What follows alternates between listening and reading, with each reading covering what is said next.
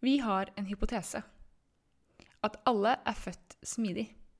Nå skal du få møte Lisa fra Tverga. Lisa har ledet og skapt sin organisasjon etter smidige prinsipper uten selv å kjenne til smidig. Hvis du vil vite hvordan hun leder sin organisasjon, så er dette episoden for deg.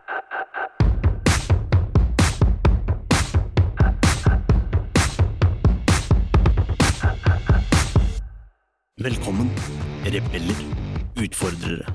Dere som driver oss fremover og krever mer. Dere som vil gjøre en forskjell. Skape magiske arbeidsplasser med lykkelige mennesker som skaper produkter som kunden deres elsker. Men 75% av nordmenn føler lite eller ingen engasjement i jobben sin. 94% av ledere sier jo at smidighet og samarbeid er kritiske faktorer for at deres organisasjon skal lykkes men kun 6% av dem mener selv at de er smidige. Dette er podden som vil inspirere, gi deg konkrete tips og verktøy som vil hjelpe deg med å skape endringsdyktige organisasjoner med høyt engasjerte og motiverte ansatte som lager uslåelige produkter. Med Smidigcoachen, kurs- og foredragsholderen Ida Kjær ved sin side har hun kurs- og foredragsholderen, smidigtransformatøren og topplederen Tobias Falkberger. Sammen har de over 20 års erfaring med å jobbe i og lede smidige team og organisasjoner. Nå kjører vi! Velkommen til en ny episode av Smidigpodden. Episode 36. Yes. Og god jul! Ja, For i god dag er det, er det julaften. Det er det. Det er den store dagen Nei, kanskje ikke den store dagen. Nei, dagen. men ja, det er jo en dag med familie og uh, ja. litt Den er veldig stor for veldig mange. Det er det. Mm. Og uh, så med det så har jo egentlig Smidigpodden uh, kokt sammen To julegaver. Ikke juleskinke, men to julegaver. Ja. Og den første er jo denne episoden, som er utrolig spennende, og det kommer vi tilbake til. Og det andre er at vi har en liten kampanje, julekampanje på kurset vårt. Så det er ikke for seint for å kjøpe en gave til seg selv. Er Eller til noen man er glad i. Det er så klart Så hvis du har glemt å kjøpe gave, så kan dette være gaven. så er det sjansen fortsatt. Mm. Og hva er bedre enn ny kunnskap og kompetanse da. inn i 2021? Ingenting. Nei. Så hva venter du på? Ikke. episoden, kast det inn i beskrivelsen, finn lenken, klikk og kjøp. Og, Løp og kjøp. ikke sant? I dag så har vi en utrolig spennende gjest. Ja. Og det er en veldig spennende story. For det her er en venninne av en kollega til meg. Og historien er nemlig sånn at Lisa, som vi snart kommer å høre mer av, har jobbet og dannet en smidig organisasjon uten at hun hadde hørt om smidig. Og det bekrefter jo egentlig en hypotese Du har hatt lenge. som jeg har hatt lenge, og jeg har liksom kommet med påstanden at vi mennesker vi fødes smidig, og så blir vi sakte, men sikkert ødelagt av systemet. av systemet gjennom en lang karriere. Og så hadde jeg liksom sånn liksom tankeøvelse med meg selv. Det var liksom at hvis man har si, Tenk en sånn her en stamme som bor i, ute i jungelen. De har ikke møtt noen andre mennesker. Og så kommer du dit, så snakker de plutselig engelsk. Eller norsk. Det vil jo ikke skje, for det, det kunne jo ikke sånn, det, det er jo ikke medfødt. For det må vi bare ha, lært.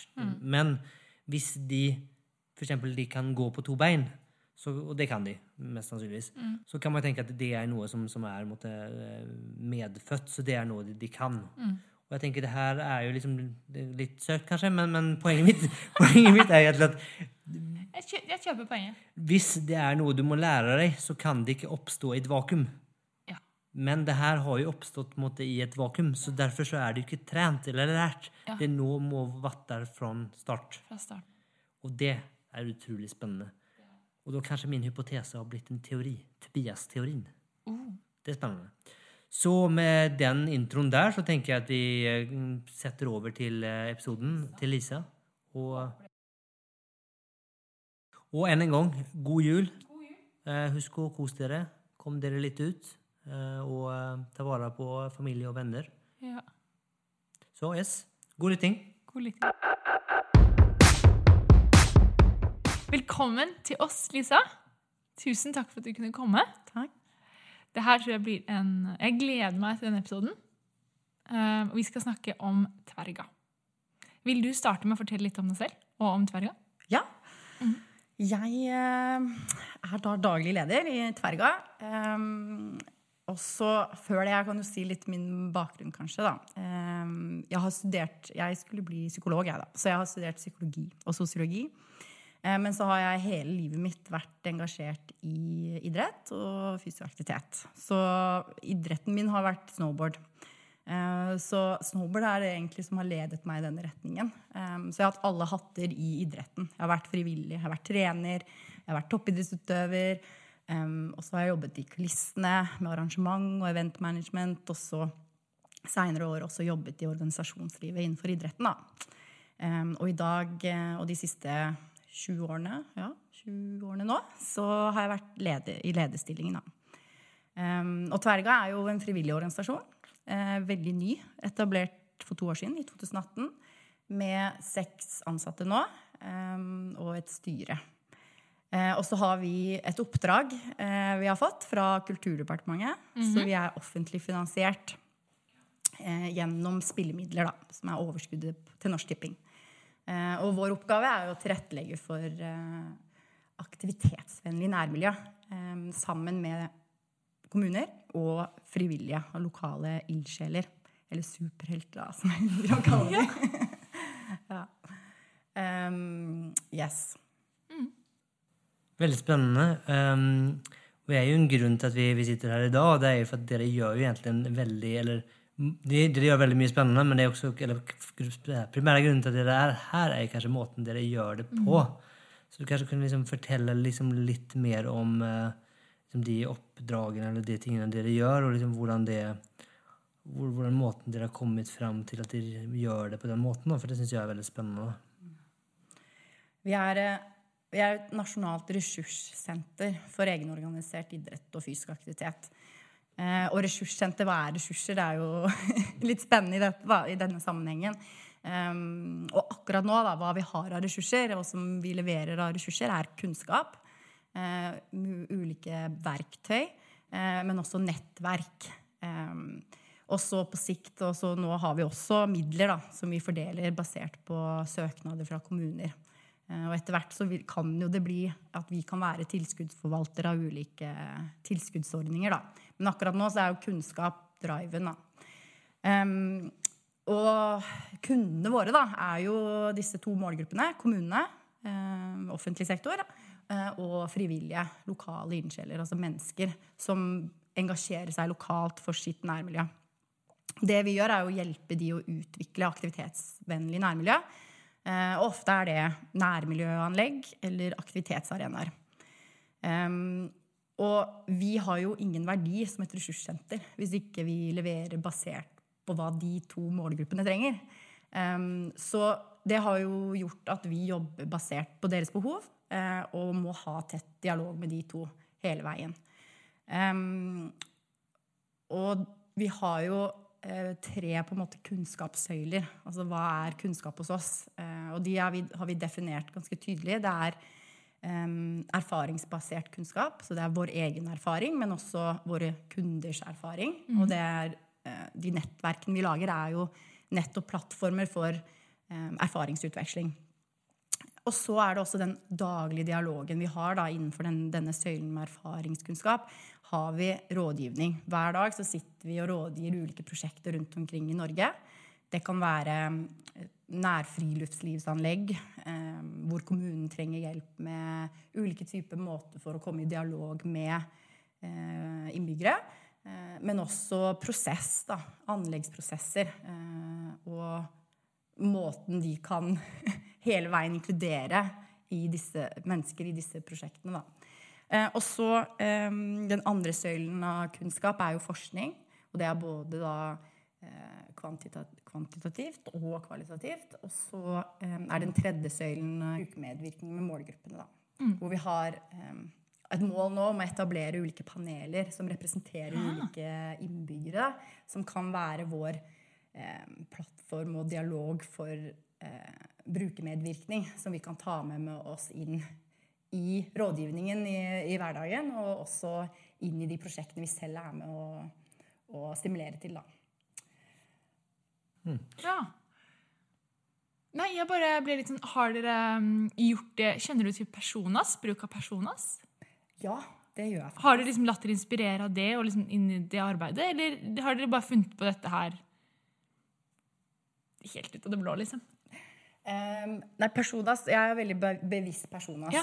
Um, nå har vi akkurat fått inn en kommunikasjonsansvarlig hos oss, så det er- ligger litt i de planene. at Nå skal vi begynne å lage disse personasene. Ehm, fordi, For å ta for eksempel frivillige, da, kundemålgruppen vi snakker om, den er veldig veldig bred. Det kan være en FAU-gruppe, altså for foreldre som engasjerer seg f.eks. For, for skolegården der de bor. Ehm, eller det kan være et idrettslag som er godt organisert og er gode på å jobbe kanskje inn mot det offentlige. Men så har det også, kan det være ungdomsmålgrupper som ikke har noe form for organisering i det hele tatt, og som bare vet at den, en sykkelløype i denne marka, det, vet, det har vi lyst på. Det, Det har vært kult, liksom, ja. Men som ikke aner hvordan de skal navigere seg i kommunesystemet, da, og hvem de må snakke med. Ja. Um, så de personene, så jeg har det jo litt i hodet, og de personene så er jo de vi snakker med daglig.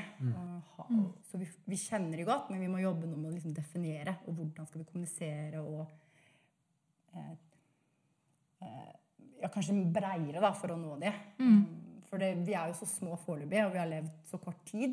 eh, og vi er fortsatt i på en måte en gründerperiode eh, og i en etableringsfase.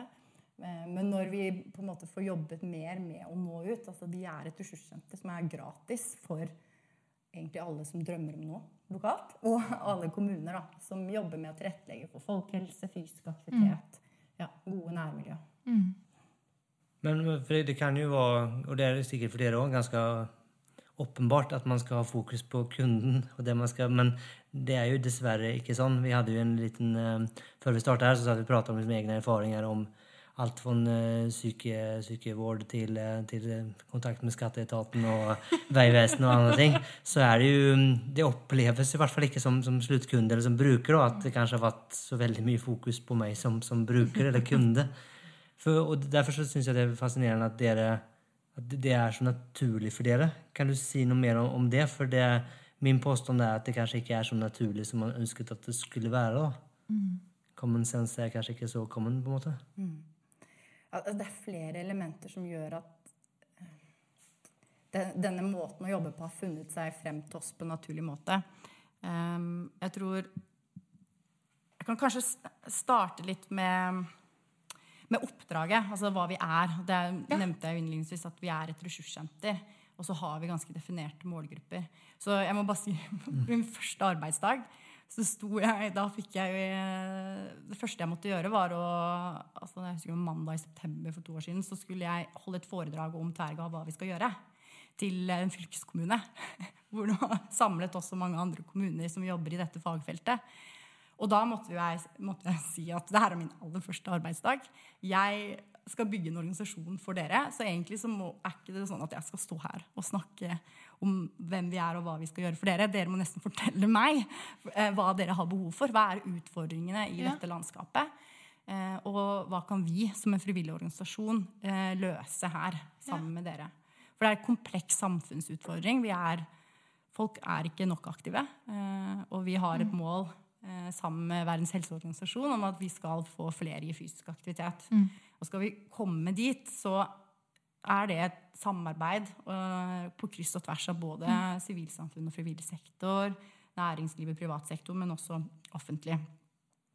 Så lille meg, den første arbeidsdagen, startet jo med det. Altså, jeg kan ikke bygge en organisasjon hvor jeg tror at dette er behovene. Jeg er nødt til å gå i dialog med de vi er til for. Em, og så er det jo også litt verdiene da, som vi har bygget en organisasjon rundt, som er primus motor. Alt i ansettelsen jeg gjør, kommer jeg alltid tilbake til våre verdier. Også um, prosjektene vi jobber i, så må vi forankre det og avsjekke at det er i verdiene våre. Så hva er verdiene våre? Og da kan jeg bare si at de verdiene våre da er hentet, inspirert fra eh, egenorganiserte idretter. Ja. Um, så de idrettene som jeg kanskje snakker om her, da, eh, da er det jo med skateboard, parkour, klatring um, um, ja, eh, mye, mye av de mer sånn ungdommelige, moderne aktivitetene. Um, og der er jo de fire verdiene vi har der, er mesterlæring, det er frihet, lidenskap og innovasjon. Um, og det, jeg kan jo forklare hvordan jeg er tilknyttet til idrettene. Da. Så for eksempel um, uh, mesterlæring.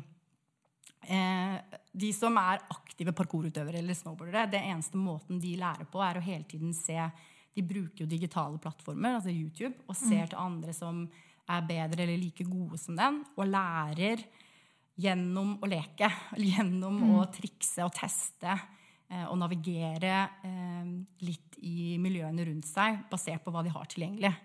Um, og så ser de til andre mestre og tar med seg det og tester det ut selv.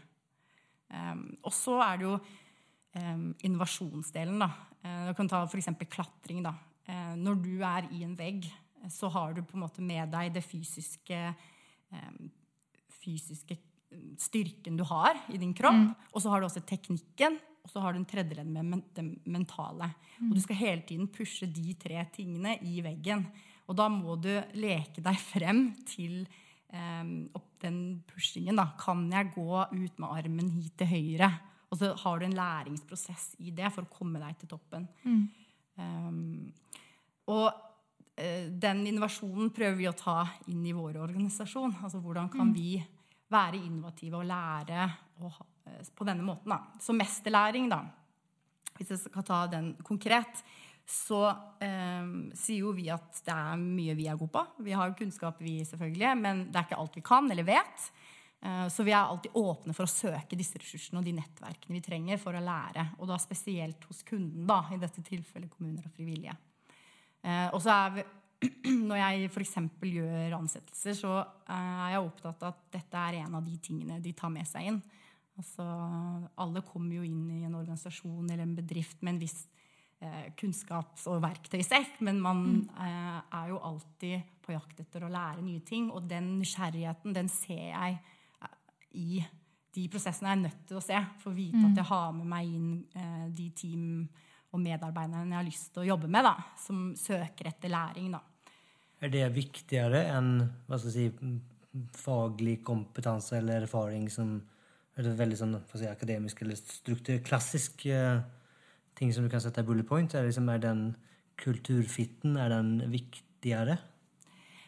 Um, jeg, jeg tror uh, kunnskap er kjempeviktig, altså den faglige uh, forankringen. Um, jeg alene kan ikke svare ut alle disse problemstillingene. Jeg er nødt til å ha kunnskapen. Så jeg tror det er hvis, hvis jeg hadde hatt to kandidater som begge var like kvalifisert kunnskap og faglig, mm. um, men det er en forskjell på selvfølgelig den kulturelle delen da, eller personligheten, så hadde jeg gått for den profilen som passer de verdiene.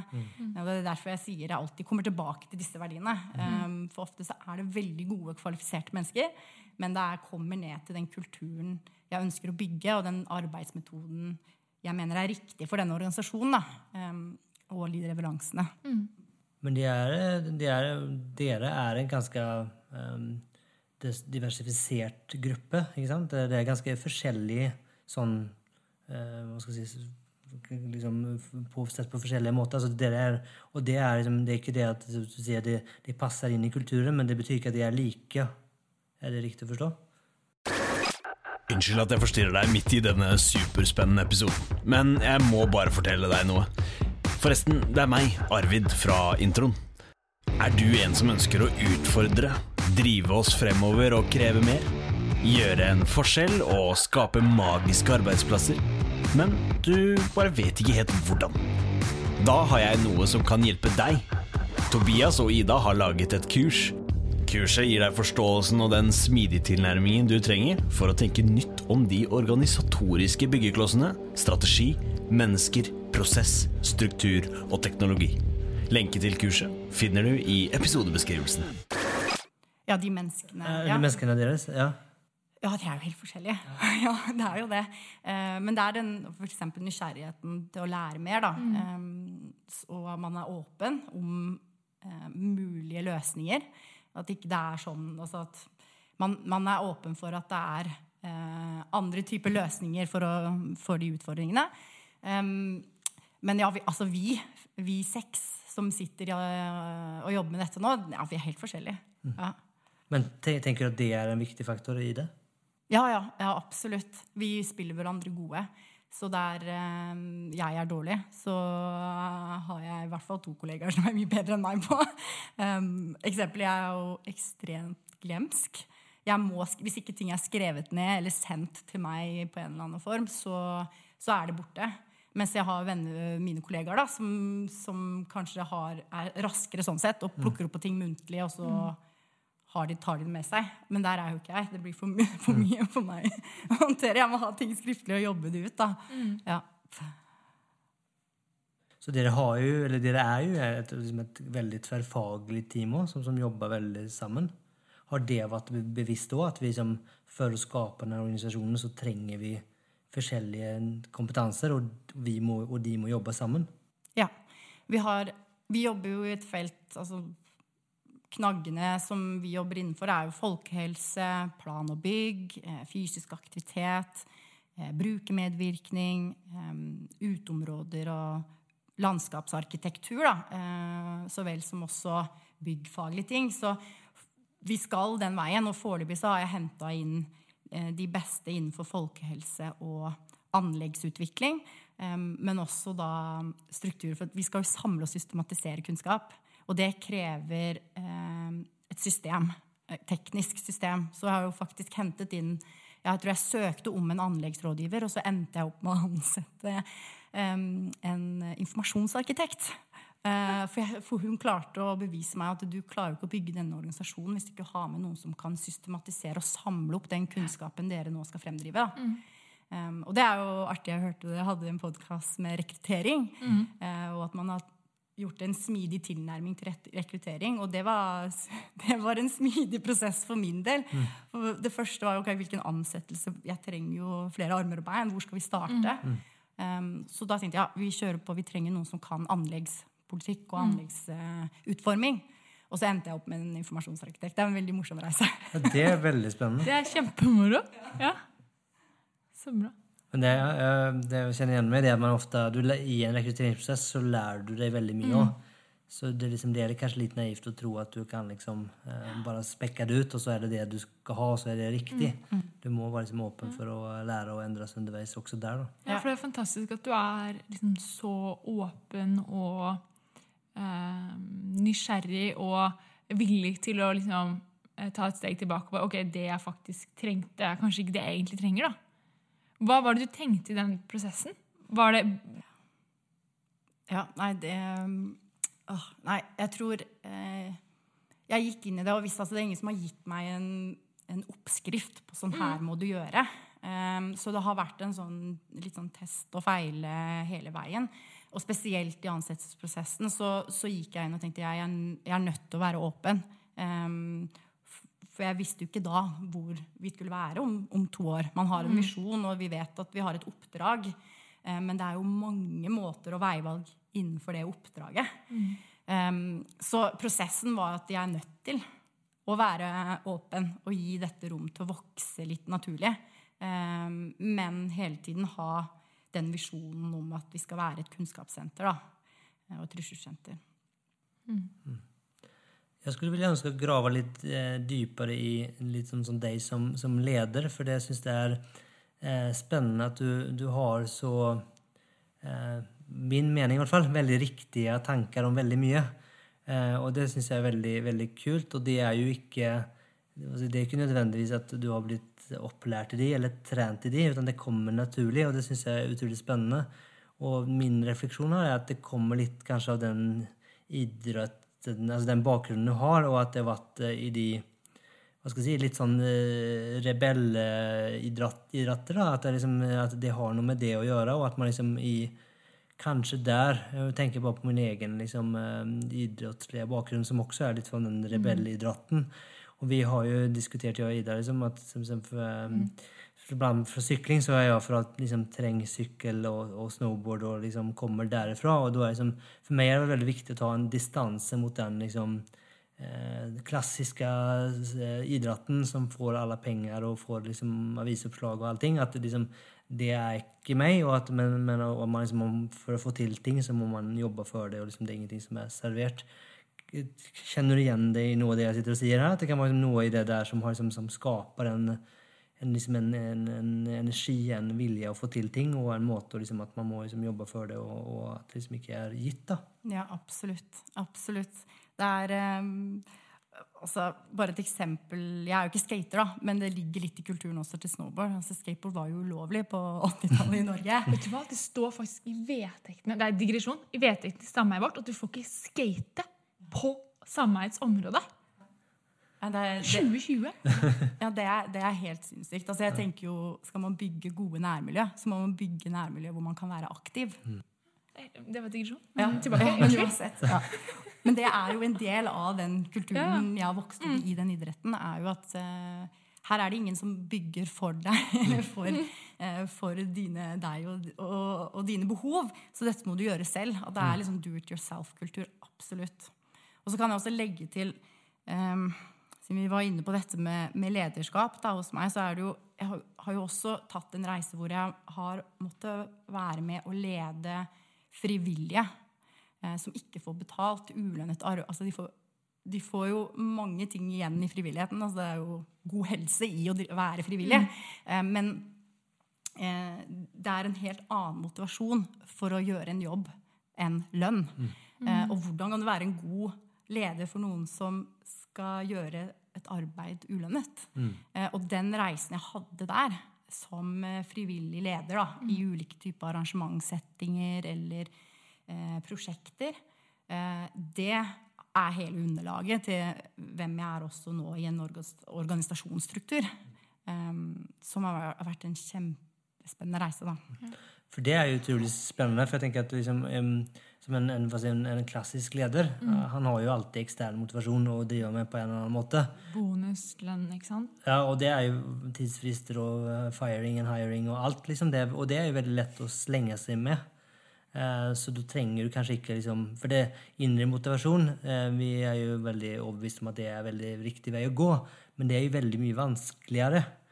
Men hvis man ikke, og så da er det veldig lett å kanskje ta de klassiske eksterne motivasjonstingene, for det er jo mye enklere, i hvert fall kort, kortsiktig. Men hvis, som du sier, du, du har ikke de, så du må liksom, liksom fra starten lære deg å jobbe med en helt annen verktøyskasse, for du har ikke den klassiske verktøyskassen som andre ledere har. Det er utrolig spennende. Ja. ja, det er veldig jeg, jeg, jeg har jo reflektert mye over dette. Jeg var jo Kan jeg komme med et eh, eksempel? Altså, jeg var jo em, jeg husker I 2016 så har Assessit har jo en sånn kåring av årets unge ledere. Eh, hvor de kårer topp ti unge ledere i løpet av et år. Um, og så plutselig så var det noen som sa, sa du, jeg har, eh, er det greit jeg melder deg som en kandidat? Og så var, gjorde jo organisasjonen min det på vegne av, på, på vegne av oss. Eh, og meldte meg inn som kandidat. Så tenkte jeg ok, det her er jo det her er jo de beste unge lederne i privat sektor. Jeg, hvem er jeg, liksom? Jeg, kom, jeg, jeg kommer fra frivillig sektor og har jobbet med eh, Ja, jeg er leder i frivillig sektor, men, men dette er jo folk som er faglig opplært. eh, og har gått på skole for å bli ledere, tenkte jeg. Så i det møtet så følte jeg meg ganske liten med alle de 200 kandidatene. Eh, og så endte jeg opp i topp ti.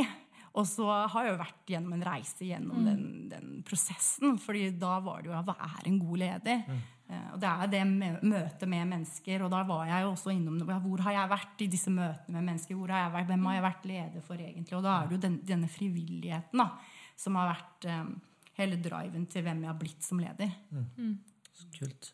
Jeg var selv med der for noen år siden. Jeg kom ikke så langt som du. da. Jeg kom til topp 100 eller topp 50, jeg husker ikke. Men jeg, var, så jeg kom ikke så langt som deg. da, Men kult. Jeg er ikke topp tre, altså. Jeg er topp ti. Ja, ja, men det er kjempebra. Det er, som sier, det er jo eh, veldig mange flinke som er med der. altså Det er ikke, ikke bare bare det. Ja, ja, ja, det var Kult. Um, jeg vet jo at uh, vi har, Nå har vi pratet uh, om liksom, uh, hvordan dere er organisert, hvordan dere rekrutterer, litt deg som led, leder.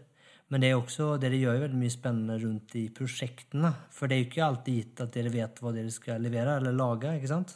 Så der gjør dere veldig mye gøy. Kunne du fortelle litt om det òg? Ja.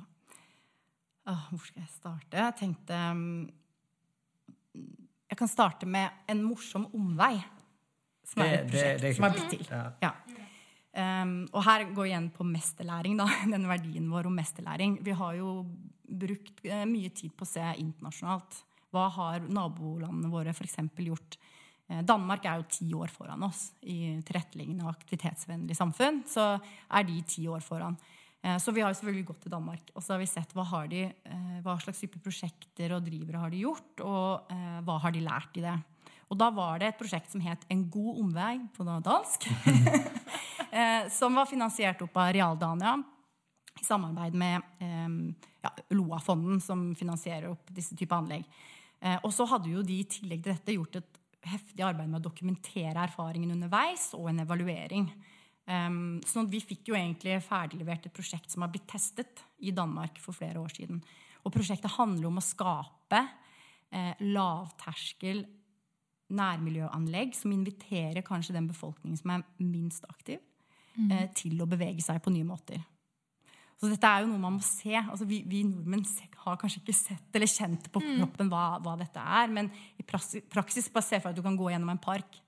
Um, Istedenfor å bare jogge, så plutselig så er det en sånn uh, jeg vet ikke, oransje strek som viser deg over gresset inn, inn til en oppoverbakke, hvor det er bal- balanseelementer, det er hinderløyper. Altså, her er det jo bare innovasjon. Det her er jo mange muligheter. Ja, ja. Og man kommer frem til disse anleggene basert på menneskenes behov, da målgruppens behov, og brukermedvirkning. Så dette er jo ikke noe når man setter i gang prosjektet, så, så, og det, er, det her er jo kjempespennende, for dette prosjektet er nå satt i gang hos oss. Vi har fått 15 millioner av Sparebankstiftelsen. MB. Og dette er midler som går tilbake til kommunen igjen. Um, men vi vet jo ikke hva disse anleggene blir til slutt. Dette er jo eh, en del av prosessen. Det er en reise vi tar, og en kunnskap og læring vi tar sammen med kommunene. Og vi kunne jo ha valgt å bare delt ut midler og si bygg nærmiljøanlegg, men istedenfor så har vi valgt å overføre denne prosessen sammen med kommunene. Så vi skal hjelpe de i de innovative prosessene. Med landskapsarkitekter, med utvalgte representanter fra de målgruppene som de ønsker å nå.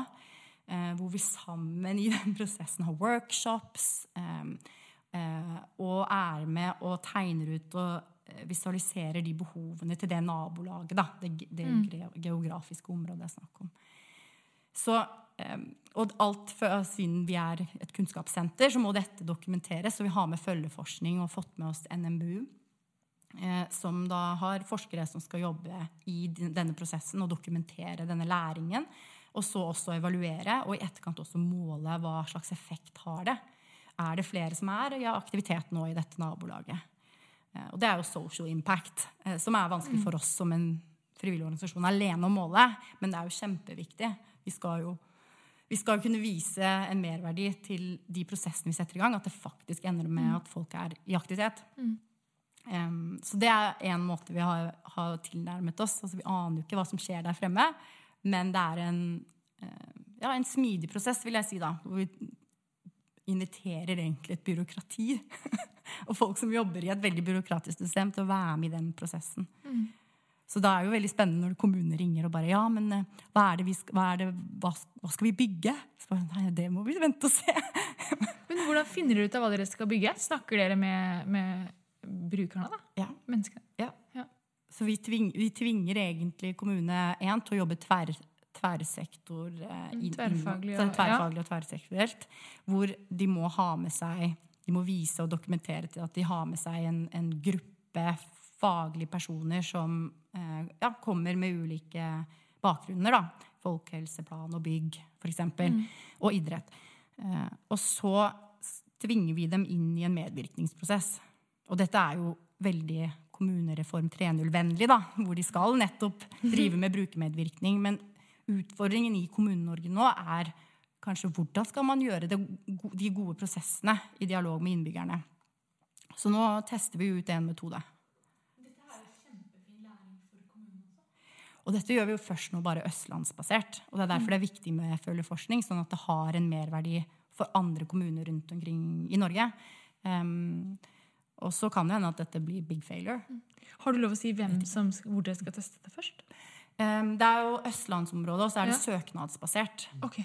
Sånn at eh, foreløpig vet vi ikke eh, hvilke kommuner som ligger Det er søknadsfrist 15.12., så dette er jo akkurat i startet, altså. Mm. Søk. Mm. Ja. Ja. Og hvis, altså, hvis du ikke jobber i kommunen, da, men uh, Ja, Tobias da, som er interessert i å sykle. Hvis du, du selv som innbyggerinitiativ da, Ja. eh, engasjerer deg for noe altså, Kommunene må jo være søkerne, men du kan jo spille din kommune god opp i denne Altså jeg bare sniker inn en sånn liten greie. Jeg tror det hadde vært veldig fint med en, en downhill-løype fra Grefsenkollen ned til eh, Se for meg det, da. Kan du legge inn en søknad? Kanskje vi legger inn en søknad? Jeg kan jo komme med et eksempel nå. så er jo akkurat altså Den siste ukene så Ullern skiklubb de har, har eh, vært oppe i Rødkleiva eh, fra Tryvann skisenter. Nede der og fått tillatelse. Vi har hjulpet dem. Vi har gitt, eh, hatt en dialog med kommunen, og så har de fått tillatelse fra kommunen til å eh, lage da eh, Altså ja, fjerne liksom tre trær, og no, altså ikke hele trær, da, men busker og skrot, og så åpne opp sånn at det blir en frikjøringsløype. Nei. Så man kan drive med randonee og Oi. frikjøring i Oslo. Kult. Kult. Det er aktivitetsvennlig. Det er aktivitetsvennlig. Ja. ja. Så gøy. Men tilbake til disse kommunene. Hva, hva, hvordan reagerer de når dere kommer med disse hippie-tankene deres? på en måte? Hva, hva, hva, hva, sier de? Hva tenker de da?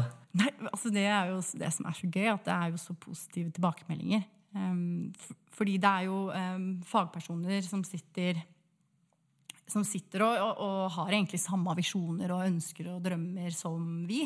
Eh, men de er satt i et system som kanskje ikke jobber på samme måte. Så da å ha noen som oss, da, som rådgivere og er fleksible og kan levere ganske raskt Det er ikke så mye som kreves av oss for å snu oss rundt. Da. Eh, det er jo befriende for dem å kunne jobbe med noen fra frivillig sektor som, som, som kan svare raskt. Det er jo veldig kult, for vi har jo veldig tro på at det, altså, når noe går dårlig, så er det et systemfeil, ikke et menneskefeil. Og det er jo liksom, de er jo satt i et system som ikke spiller de gode. da. Og det er fantastisk å se at liksom, når det kommer et annet system som er bedre, så, så, liksom, så Blomstrer de opp. blomstrer det opp, og at det fungerer. Mm. Det er utrolig kult. Ja, og vi, og eh, det er jo mange Det er jo forskjellige. Eh, Kommune-Norge er jo veldig forskjellig. Eh, men de, eh, de store byene hvor det er mer komplekst og større system, er vanskeligere å, å nå gjennom da, for disse initiativene. Så, så det er jo et lengre stykke arbeid. Mens på bygda kanskje da, så er det litt enklere vei fra en idé til, eh, til det blir, det blir noe av, da.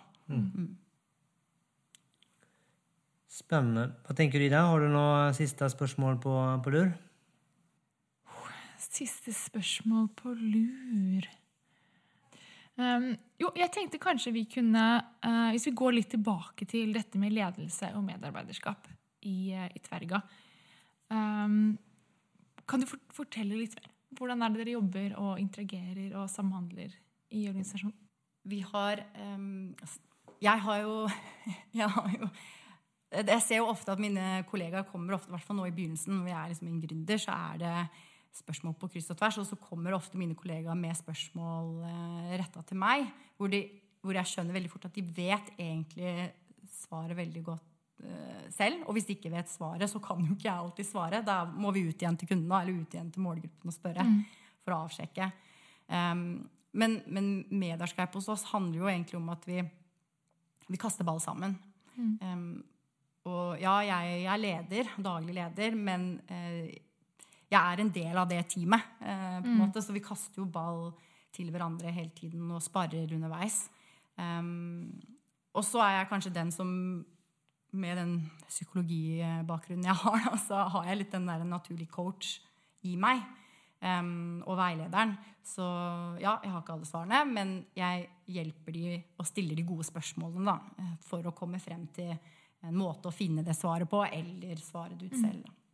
Eh, ja. Og så medarskap hos oss handler jo om at alle tar egentlig ansvar, både for eget arbeidsmiljø og eh, sine arbeidsoppgaver, men den kulturen da, og de verdiene som er liksom forplanta i personalhåndboka vår, den, er, den, den, er, eh, den har jeg tatt igjennom i hele prøveperioden, da, eller onboardingen. da. Onboardingen for meg, da handler det om å liksom forankre de verdiene og hvordan vi skal leve de ut. Og, ja. For det med verdiene deres er litt spennende. Hvordan har dere kommet fram? Du sa, du sa jo litt med verdiene at de er forankret, eller kommer fra idrettene dere støtter. Eh, så har dere jobbet sammen som team for å utarbeide de verdiene, liksom, og da tatt inspirasjon? Eller liksom, hvordan har dere... Ja, vi har ehm, Jeg har jo årlig i hvert fall to sånne full teamdagsfokuser, altså sånn kulturfokus. Eh, og i det så jobber vi konkret med verdiene. Hva betyr det for de der ute, altså de vi jobber med? Eh, men også hva betyr det hos oss? Eh, og hvordan skal vi leve ut det hos oss, da? Mm. Så lidenskap, for eksempel, da. For oss så betyr det at vi elsker den jobben vi gjør. At vi føler at vi har en, et engasjement som går utover selv. Um, Og det dras jo inn i disse prosessene, da. Du nevnte også, Var det frihet var også en verdi? Ja, Hva, hva legger dere i det? ja det er um, Ja, det, det er jo det står quote fra personalboka, det er jo jeg som har skrevet den innledningsvis, at eh, jeg holder, vi holder ikke hendene altså vi holder ikke hendene. Her er du liksom selvstendig fri da, til å eh, ja, komme og gå til jobb. Selvfølgelig struktur, strukturmessig så er det mer fleksi. Em, og at du har et ansvar for å ikke bare se noen utfordringer, men å være med å løse det. da. Um, Og at du har frihet også til å teste og, og løse det og spare underveis med meg og kollegaene. da. Um, så jeg kaller det en sånn personlig frihet innenfor Ja, ja. ja. Jeg vet ikke om det er innenfor smidig atmosfæren, ja, men Ja. Det er absolutt innenfor smidig. Vi kaller det jo eh, ja, frihet og autonomi. da. Ja. Autonomi til å ja, løse oppgaver som du vil. Eh, ja. Ja, og mye selvledelse. Selvledelse, ja, ikke minst. Ja. Så, At i, måtte, I en organisasjon som alle si, alle og ingen er på en måte leder. på en måte, at Du må liksom ta et, du kan ikke liksom sitte og vente på at noen skal beslutte ting for deg eller si hva du skal gjøre. Du må liksom må lede veldig mye selv. da. Og så kan du ha liksom, ledere Den rollen blir litt annerledes, som du liksom vært inne på. med Kanskje med coaching, du hjelper å sette retning, gode spørsmål, Mm. rydde unna ting. Det kan jo være en del ting som man kanskje ikke får rydde unna selv. Så kan du måtte Kanskje prate med styret eller hva det måtte være, kommuner eller noe for å få rydde unna de hindringene som er. da. Men jeg tror jo um, ja, frihet og lidenskap da, som to av deres verdier er jo I hvert fall syns jeg at det er jo innovasjon, ikke minst også, men veldig gode liksom, båndplanker i en smidig virksomhet. da. Eller liksom, når du ønsker å jobbe med ha en smidig kultur. Fordi liksom, det å for det første ha den lidenskapen for den jobben du gjør, for de menneskene du hjelper, er så viktig. Og det handler liksom om den indre motivasjonen som vi var inne på. ikke sant? Og friheten og autonomien til å faktisk kunne eh, bruke kreativiteten din og utøve den lidenskapen du har, da, er så viktig. fordi har du ikke det, så blir det som Da blir det vanskelig å eh, Ja, jeg tror det er veldig viktig. ja. får liksom en tvangstrøye over deg, liksom. Ja. Føler jeg, da. Ja, ja, det er kjempe. Og så er det jo altså, de, verdiene er basen, men vi har jo også et sånt tilleggselement. Vi har lagt kanskje en verdi til, i hvert fall måten vi jobber internt, og det er jo dette med, med åpenhet da, eller ærlighet. Fordi at um, det er jo utfordring å jobbe i team. Det er det jo. Vi er jo mennesker, vi er forskjellige. eh, Tenker annerledes. eh, Kommer til ulike prosesser med, med helt forskjellig bakgrunn. Sånn at det skjer jo gnisninger mellom relasjoner. Og så er jeg jo veldig opptatt av at da er det jo viktig med denne åpenheten. At vi, vi er åpne om våre sterke og svake sider. Så når alle kommer inn i denne organisasjonen, da, inn i onboarding, så er det også OK, jeg er Lisa, dette er meg når jeg er god, og dette er meg når jeg er dårlig. Og så kan det hende at det er også mange andre ting jeg er dårlig på, som jeg ikke vet om, men da må vi jobbe sammen om å være åpne om det. da. Um, og det, og det her, dette er jo ting som bare ligger og gnager over lengre tid, og man ikke tar opp med en gang. Det, da, da forsvinner jo hele den gode metodikken og arbeidsmetodikken. Da, spesielt sikkert smidig, da. Eh, så, så vi har jo medarbeidersamtaler, men jeg er også opptatt av at jeg som leder er hele tiden ute og navigerer og kjenner på dynamikken og de utfordringene. Også at vi snakker om det, tar dem ut, men også spiller ball med at det her er ditt ansvar også. Du må være med å ok, jeg ser at dere har en utfordring i denne dialogen. Kanskje du kan ta eh, det ansvaret med å eh, ta en kopp kaffe, snakke om det. Eh, og, så, og dette er jo Det er jo det er en balanse, da. Eh, for ofte så kan det jo bli ganske hett relasjoner. Og hvordan kan jeg for det første gi dem ansvar til å finne ut av det selv, men også være med eh, og sikre at det er god dialog, da. Um, ja, så, så, og jeg, vi har jo humor, da. Det er det som er viktig. altså, For, um, å kunne spøke også rundt våre svakheter, og at vi alle har den evnen til å uh, Ja, nå, nå er du picky, men det er jo sånn, du er detaljorientert, og vi ser det som en kjempestyrke. Og så noen ganger kan det være en svakhet, eksempel, da. Eh, men at vi er konstruktive og saklige rundt de tilbakemeldingene, er kjempeviktig. Veldig bra. Tiden flyr, så jeg Ja. tenker at vi er inne på de fem siste spørsmålene. Skal du eh, dra oss i gang, Ida? Yes, det kan jeg. Skal vi se, skal vi se. Første spørsmålet er jo det klassiske. Hva ville du fortalt 20 år gamle deg selv? Nå er det jobbintervju. Nå er det jobbintervju. rett på. Ja, nei, der um, Du er god nok, akkurat sånn som du er. Og at du kan utrette masse her i livet bare du tror på deg selv og de menneskene du har rundt deg. Det hadde jeg fortalt meg selv da jeg var 20 år. Og så hadde jeg kanskje sagt eh, studer statsvitenskap, studer, studer økonomi, teknologi og ledelse. Men det er jo aldri for seint. Men det, det er litt morsomt det du sier der, fordi jeg studerte jo da eh, teknologi og økonomi. Eh, jeg skulle gjerne ha studert psykologi. Ja. ja. Det Ja. er morsomt. Supert. Eh, Vi har pratet veldig mye om det, men eh, nå har du muligheten å prøve å oppsummere det. Hva mener du kjennetegner en god leder? Du spiller andre gode ved å lytte. Eh, Du gir rom og plass til ulike meninger og synspunkter. Du bryr deg altså, du, du bryr deg om andre, men du, også du byr på deg selv. Og er ærlig og reflektert over dine sterke og svake sider, som jeg nevnte.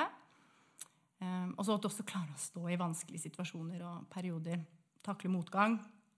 Mm, Klare å ta prioriteringer på vegne av organisasjonen. Og så kunne ha det fokuset og tiden til å også tenke stort og se de store linjene og inspirerende visjonene. Da. Kjempebra. Eh, Hva vil du gi som tips da til eh, de som ønsker å etablere en mer smidig kultur? Høre på Smidigpodden, selvfølgelig.